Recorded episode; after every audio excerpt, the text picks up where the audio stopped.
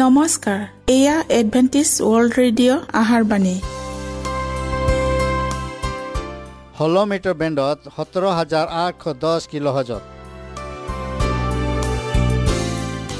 Adventist World Radio যোগে অসমীয়া ভাষাত প্ৰচাৰিত আহাৰবাণী প্ৰত্যেক বুধবাৰ আৰু দেওবাৰ সন্ধিয়া সাত বজাত আহাৰবাণী শুনাৰ পিছত আপোনালোকৰ কিবা মন্তব্য আৰু প্ৰশ্ন থাকিলে আমালৈ এই ঠিকনাত লিখক। আমাৰ ঠিকনাটি হৈছে Adventist World Radio' seven day Adventist মণ্ডলী অসম শাখা লতাকাটা বশিষ্ঠ গুৱাহাটী সাত আঠ এক শূন্য দুই ন।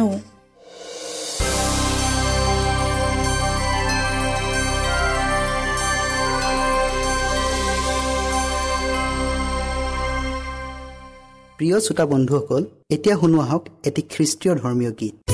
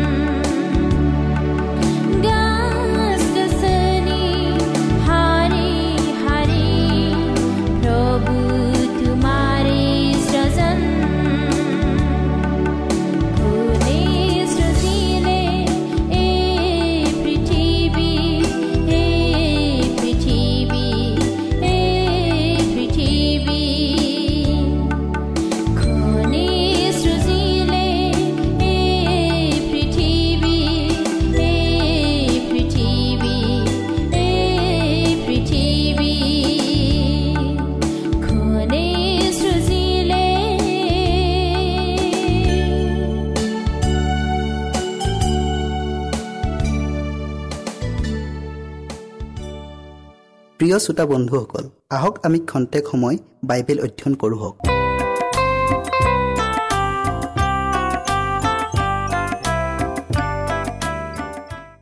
আজিৰ আমাৰ বিষয়টি হ'ল অনুসন্ধানমূলক বিচাৰ।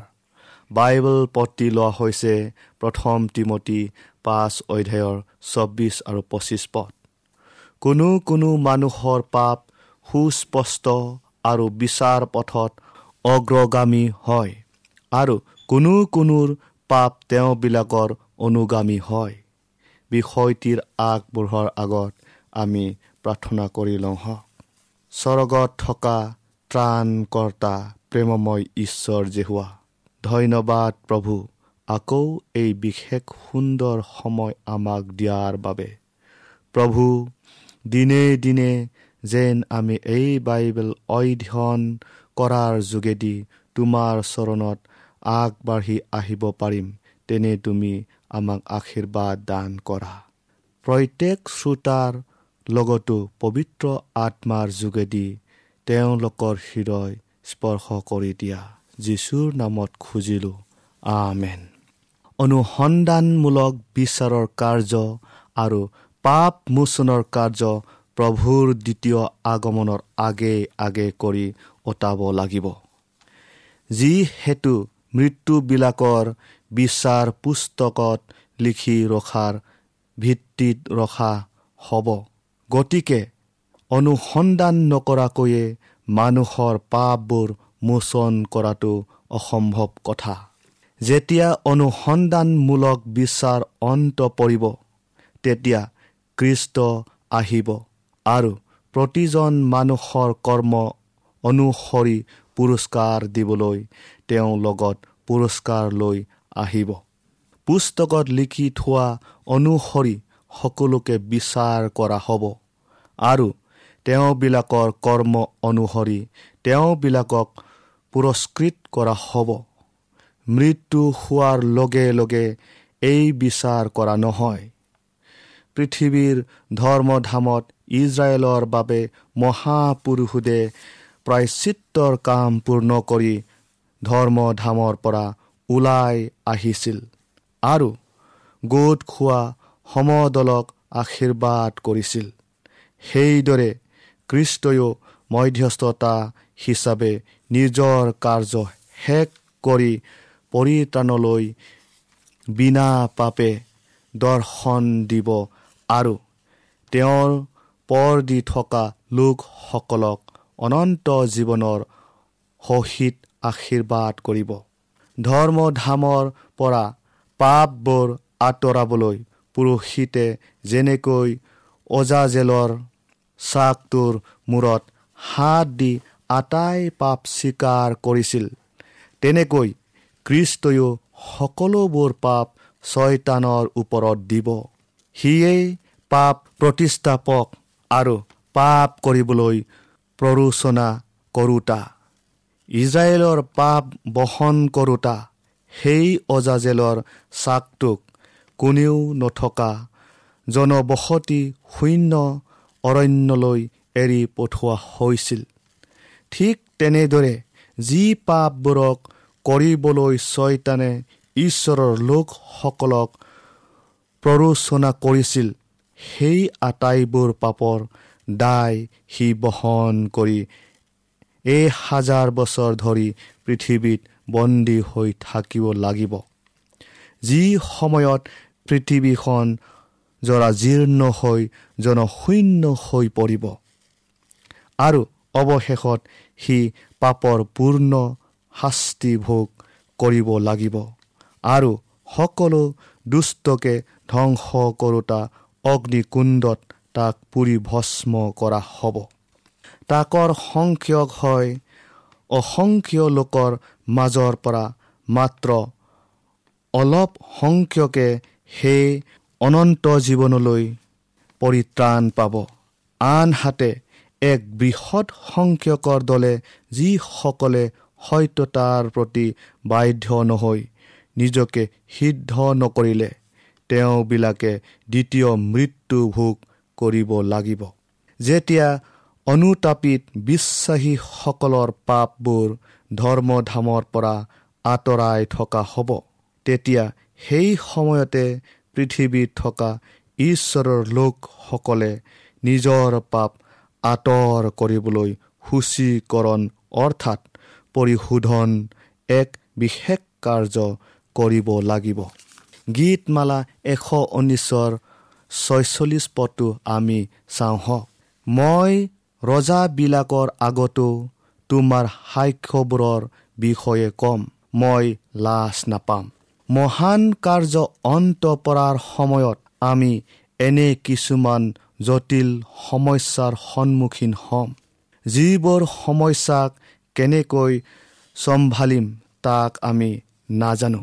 কিন্তু এটা কথা পাহৰি যোৱা উচিত নহ'ব যে স্বৰ্গৰ তিনিটা মহান শক্তিয়ে কাম কৰি আছে যে এখন ঐশ্বৰিক হাতে নিয়ন্ত্ৰণৰ চকাটোক ধৰি ৰাখিছে আৰু ঈশ্বৰে নিজ উদ্দেশ্য সিদ্ধ নকৰাকৈ নাথাকে। এনে সময় আহিব যেতিয়া আমাক বিচাৰ সভাত উপস্থিত কৰোৱা হ'ব। আৰু তেওঁৰ নামৰ নিমিত্তে আমাক হাজাৰ বিজাৰ মানুহৰ সন্মুখত হাজিৰ কৰোৱা হ'ব। আৰু প্ৰত্যেকজনে নিজ বিশ্বাসৰ উচিত কাৰণৰ বিষয়ে ব্যাখ্যা দিব লাগিব। আমাৰ মানুহখিনি ধৰি ৰখা সত্যতাৰ প্ৰতিটো অৱস্থানৰ বাবে ডাঙৰ ডাঙৰ মানুহৰ পৰা সমালোচিত হ'ব লাগিব। পৃথিৱীৰ ভিতৰতে মহৎ আৰু ডাঙৰ মানুহবোৰ সত্যতাৰ সংস্পৰ্শত আহিব আৰু সেইবাবে আমি ধৰি ৰখা সত্যতাৰ প্ৰতিটো অৱস্থান আৰু প্ৰতিটো দিশ তন্ন তন্নকৈ পৰীক্ষা কৰি শাস্ত্ৰ বাক্যৰ দ্বাৰা প্ৰমাণ কৰিব লাগে। এতিয়া আমাক কোনেও লক্ষ্য কৰা যেন লগা নাই। কিন্তু এনে অৱস্থা সদায় নাথাকিব। আমাক সন্মুখলৈ আনিবলৈ অহৰহভাৱে চেষ্টা চলাই থকা হৈছে।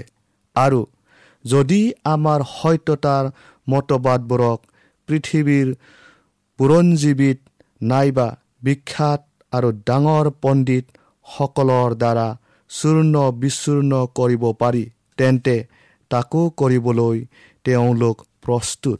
প্ৰভু যীশুৱে শিষ্যসকলক এনে এখন জিভা আৰু এনে এক জ্ঞান দান কৰিব যে তেওঁবিলাকৰ কথাত শত্ৰুসকলে অস্বীকাৰো কৰিব নোৱাৰিব আৰু প্ৰতিৰোধো কৰিব নোৱাৰিব। যিসকলক চৈতানী বুদ্ধি কৌশল যুক্তি তৰ্কৰেও পৰাভূত কৰিব নোৱাৰিব। তেওঁবিলাকে সকলোৱে স্বীকাৰ কৰিবলগীয়া এনে এক সাক্ষ্য লগত লৈ ফুৰিব যি জ্ঞানীজনকো হৰুৱাবলৈ সক্ষম হ'ব। অশিক্ষিতজনৰ ওঠৰ পৰা এনে বাক্য ওলাই আহিব যি বাক্যত পতিয়ন নিয়াব পৰা শক্তি আৰু জ্ঞান থাকিব। আৰু বহুতো লোকে সত্যতাক গ্ৰহণ কৰিব। তেওঁবিলাকৰ সাক্ষ্য শুনি হাজাৰ হাজাৰ লোকে পৰিৱৰ্তন হ'ব। প্ৰিয় শ্ৰোতা বন্ধুসকল অশিক্ষিত মানুহে এনে শক্তি কিয় পালে যাক জ্ঞানীসকলেও নাপালে?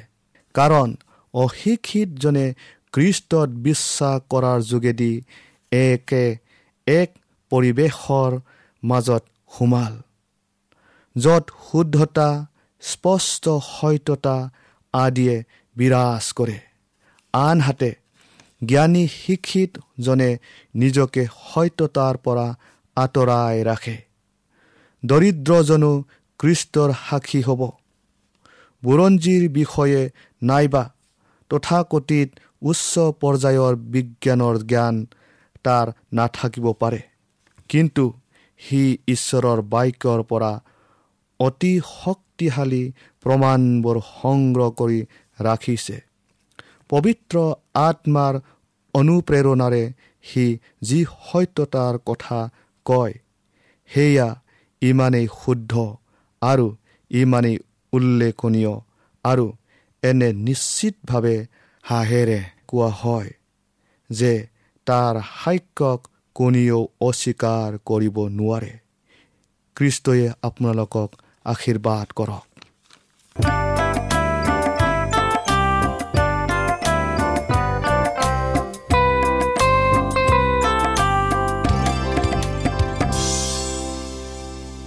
ইমানপৰে আমি বাইবেল অধ্যয়ন কৰিলোঁ। এতিয়া আকৌ শুনো আহক এটি খ্ৰীষ্টীয় ধৰ্মীয় গীত।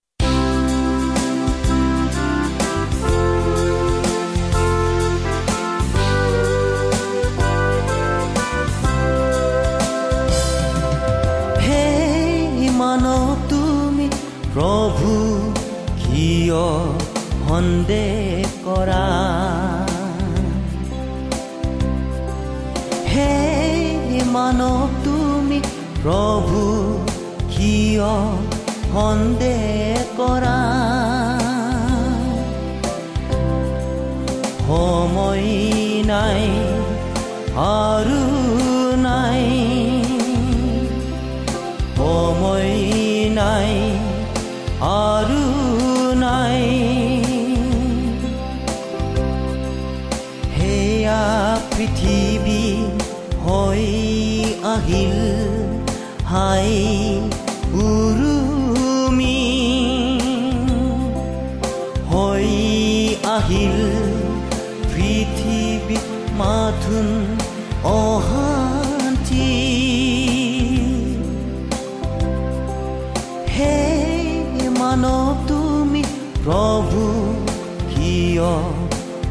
সন্দেহ কৰা। হে মানৱ তুমি প্ৰভু কিয় সন্দেহ কৰা?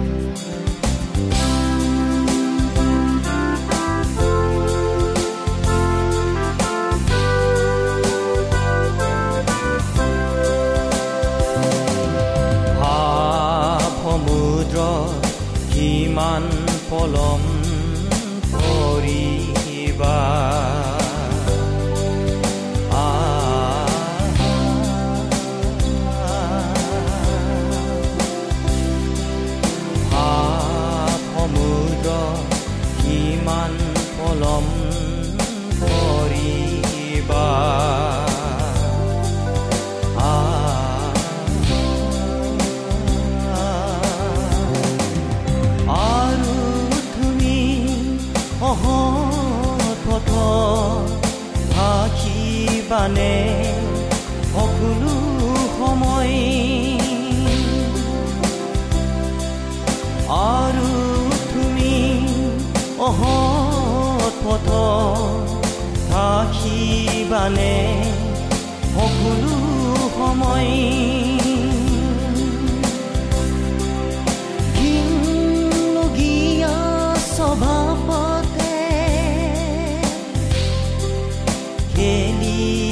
থাকিবানে ঘিনলগীয়া স্বভাৱতে খেলি থাকিবানে। হে মনক তুমি প্ৰভু কিয় সন্দেহ কৰা?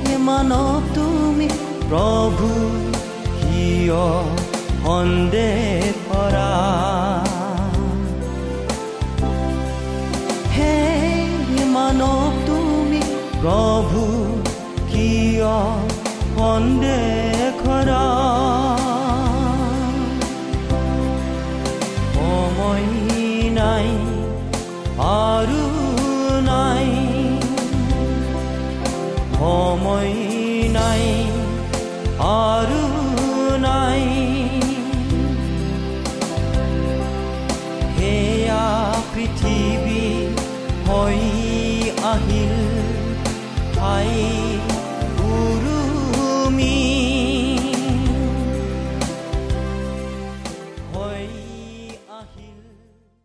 মনত ৰাখিব আমাৰ ঠিকনাটি পুনৰ কৈ দিছোঁ।